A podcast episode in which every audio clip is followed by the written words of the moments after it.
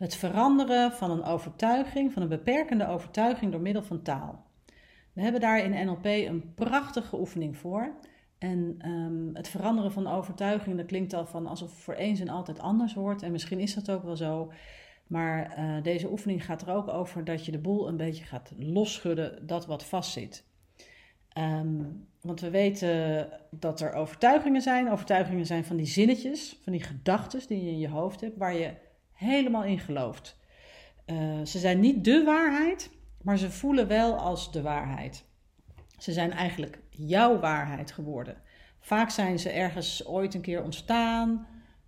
Vaak ook al op hele jonge leeftijd. Dat je een idee hebt gehad. Dat is een aantal keer bevestigd. En op een gegeven moment heb je besloten: dit is de waarheid, zo is het. Nou, er is helemaal niks mis mee als die overtuiging je helpt. Bijvoorbeeld, de wereld is een mooie plek. Nou, die helpt je misschien om uh, onbevangen en vrij en helemaal als jezelf de wereld in te gaan. Uh, terwijl als je een overtuiging zou hebben van, goh, de wereld is een gevaarlijke plek. Um, nou, dan ga je misschien op een hele andere manier, stap jij uh, je huis uit en ga je naar je werk. Want als het een gevaarlijke plek is, ja, dan moet je heel goed opletten. Nou, dit zijn al twee voorbeelden.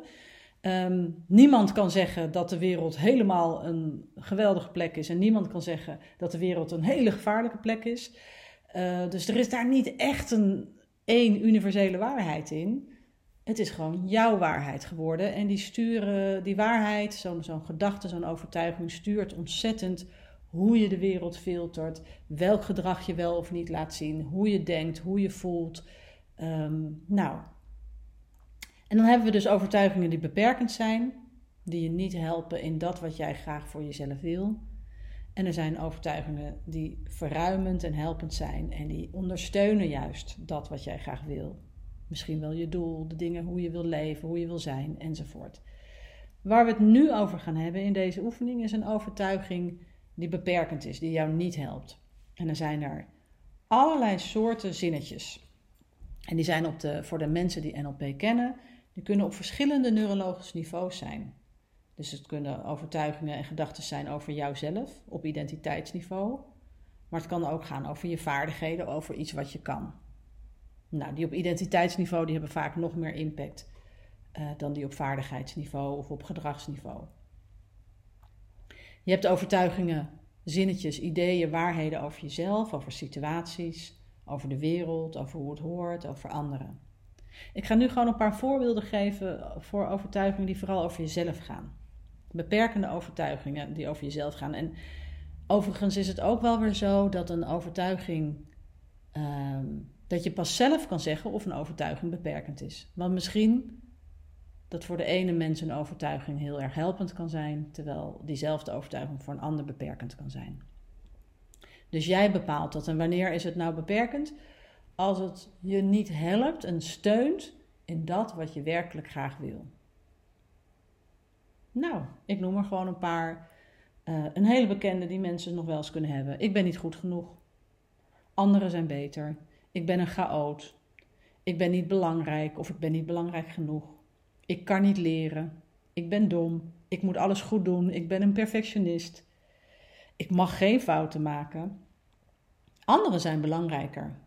Ik moet altijd voor anderen zorgen. Ik moet rekening houden met anderen. Nou, je kan al merken dat in al dit soort zinnetjes, dat er soms een stukje waarheid is. Misschien is het helemaal prima om voor anderen te zorgen, maar als je altijd voor anderen moet zorgen of altijd voor anderen klaar moet staan, dan kan je voelen van hé, hey, dan is het juist beperkend. Dus voor de oefening is het handig dat je zo'n zinnetje hebt. Zo'n beperkende overtuiging, zo'n waarheid, zo'n gedachte, Misschien wel over jezelf, misschien over hoe het hoort, misschien over anderen in relatie tot jezelf waar je last van hebt, waarvan je denkt van nou, daar wil ik wel eens van af en die wil ik wel eens losschudden. Want de oefening die we gaan doen is dat we hoe deze overtuiging ooit is ontstaan, eigenlijk al die verschillende aspecten die daarmee te maken hebben. Want ooit is het ontstaan hè, door een positieve intentie. Ooit was het belangrijk om deze overtuigingen te gaan vormen. Want je zou kunnen zeggen dat alles wat je doet en denkt en voelt, dat het ooit ergens een keer is ontstaan vanuit een positieve intentie. Heel vaak iets met bescherming. Niet altijd, maar wel vaak. Ehm, en dat we dat met een aantal vragen, dat we dat flink gaan losschudden. Losschudden, ehm, zodat die overtuiging waar die helemaal zo op is gebouwd, al die tijd, dat we, dat we die pijlers, dat we die een beetje onderuit gaan, uh, onderuit gaan halen. Um, dus ik ga er voor nu even van uit dat je, of je hebt dit uh, stukje even stopgezet om een overtuiging voor jezelf te maken. Het is altijd een zinnetje.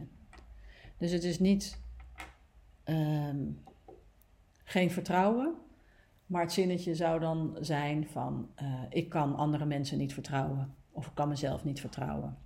Of ik ben niet te vertrouwen. Dus het is altijd een zinnetje. Dat is handig om even te weten. Nou, en als je dat, uh, dat zinnetje hebt, die beperkende overtuiging, zo'n beperkende gedachte, waar je misschien al een tijdje last van hebt, dan uh, wil ik je vragen om eens even rustig ergens te gaan zitten. En um, nou, zoals dat soms gaat met sommige oefeningen, is het lekker om even naar je eigen binnenwereld te gaan. En uh, voor sommige mensen helpt het dan om ogen te sluiten, om de prikkels van buiten even te laten voor wat die is. En andere mensen willen even wegstaren. Zorg even dat jij in een omgeving bent waarin je even helemaal met alleen jezelf kan zijn. Hm. Heel goed. En ik ga je een aantal vragen stellen. En die vragen mag je als het ware wat naar binnen laten dwarrelen. En soms zal je merken dat je hele precieze antwoorden in taal hebt. Soms krijg je misschien alleen gevoelens ervan. Of krijg je een notie van een antwoord. Of misschien krijg je wel een beeld, of is het een beetje blurry nog. En, en hoe de vraag ook naar binnen komt en hoe het antwoord ook is, alles is helemaal prima. Dus het gaat er niet per se om voor nu en eens en altijd het precies helemaal goed te doen, zodat je van deze oefening, van deze overtuiging af, hebt, af bent. Dan beperkt dat je misschien al wel. Maar gewoon om ontspannen de vraag een beetje naar binnen te laten komen, in overweging te nemen, te ontdekken welke antwoorden er van binnen bij jou zijn. En dat welk antwoord je jezelf ook geeft, dat dat helemaal prima is. Het gaat om dat we onderzoeken en losschudden. Heel goed. Nou, als eerste wil ik je vragen om dat zinnetje, om dat nog eens zo hardop te zeggen. Dus zeg het maar hardop. Heel goed. En dan ga ik je de vraag stellen en die mag je van binnen opnieuw aan jezelf stellen. Dus je herhaalt de vraag van binnen. En dan merk je gewoon op welke antwoorden er komen. En nogmaals, die antwoorden kunnen woorden zijn, gevoelens zijn, een beeld zijn, een hele film, een combinatie daarvan. Dus ga maar gewoon ontdekken welke antwoorden er komen. De eerste vraag is: waar en wanneer heb ik besloten dat deze overtuiging waar is? Dus herhalen maar voor jezelf. Waar en wanneer heb ik besloten dat deze beperkende overtuiging waar is?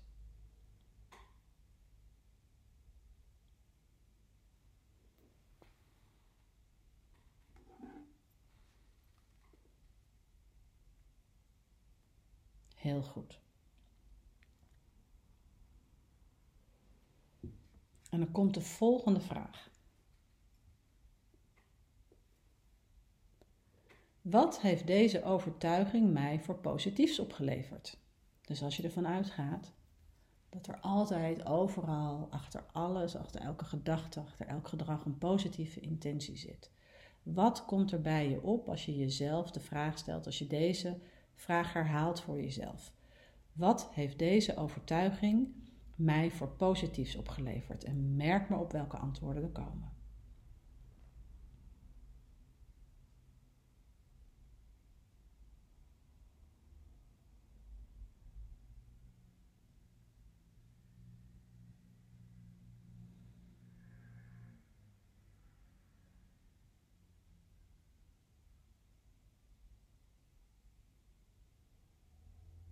Heel goed. Dan komt de volgende vraag. Het is misschien een beetje een gekke vraag, maar merk maar gewoon op. Stel dat deze overtuiging een absurde gedachte zou zijn in plaats van een ware gedachte. Wat zouden dan de gevolgen voor mij zijn?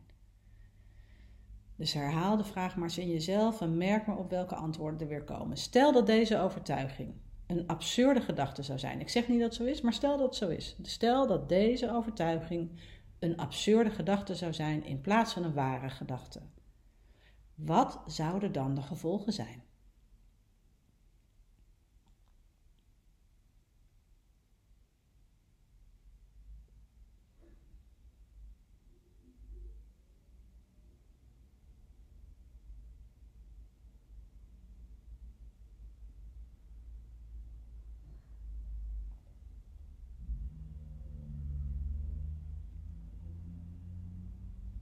Heel goed. Komt de volgende vraag. Wat heeft het in stand houden van deze beperkende overtuiging mij gekost in mijn leven? Dus herhaal de vraag maar weer. Wat heeft het in stand houden van deze beperkende overtuiging mij gekost in mijn leven?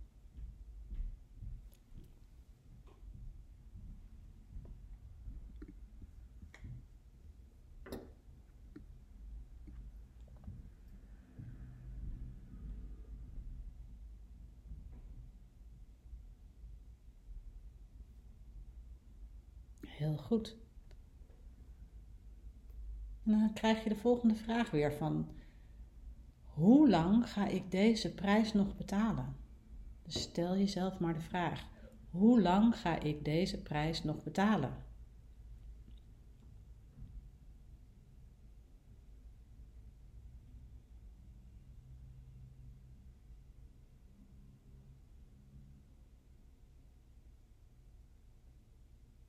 Heel goed. En merk maar eens op welk antwoord er komt als je de vraag aan jezelf stel, stelt: Heb ik deze beperkende overtuiging nu nog nodig?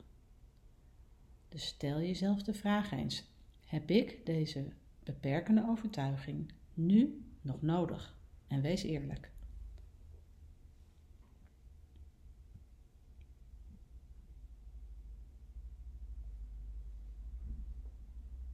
Heel goed.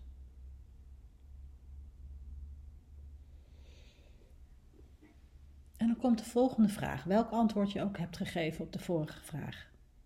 Welke nieuwe, verruimende, helpende overtuiging wil ik ervoor in de plaats? Dus welke nieuwe, verruimende, helpende overtuiging wil ik ervoor in de plaats? En soms is dat precies het tegenovergestelde en misschien is, komt er wel iets heel anders in je op. Dus stel jezelf maar de vraag: hey, welk nieuw zinnetje, welke nieuwe gedachte, welke nieuwe overtuiging die me echt gaat helpen, wil ik ervoor in de plaats? En merk maar welk antwoord komt.